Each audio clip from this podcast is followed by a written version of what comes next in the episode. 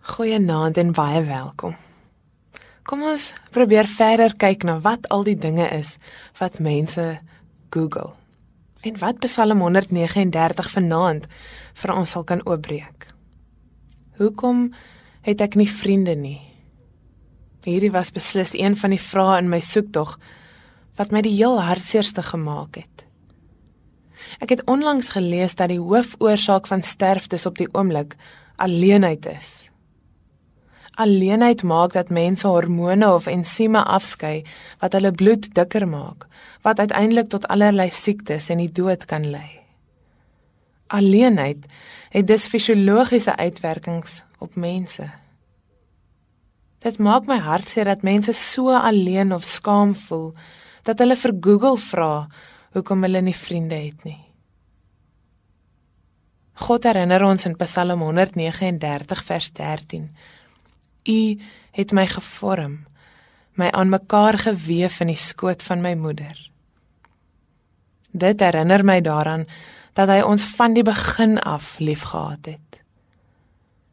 As ek hierdie sin lees, dink ek altyd aan God wat kunstig en versigtig seker maak dat ek kan lewe. Ja, selfs nog voordat ek op my eie kon lewe. Het jy al daaraan gedink dat die mense om jou ook so besonder lief gekry word deur God? Tree jy op teenoor hulle dat hulle dit ervaar? Of moet hulle dalk ook vir Google gaan vra hoekom hulle nie vriende het nie? Miskien is dit een van ons opdragte om mense se vriende te word. Om hulle daaraan te herinner dat God hulle kunstig en versigtig in die skoot van hulle moeder aan mekaar gewewe het.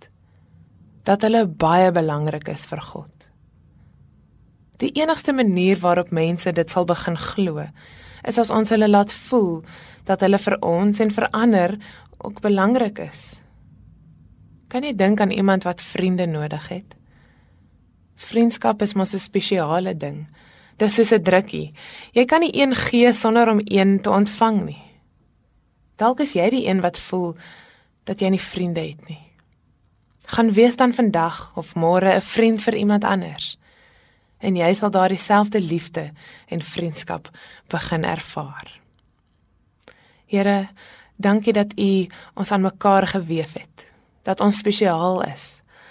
Mag ons verander ook laat voel hoe spesiaal hulle vir U is deur vriendskap en liefde. Amen.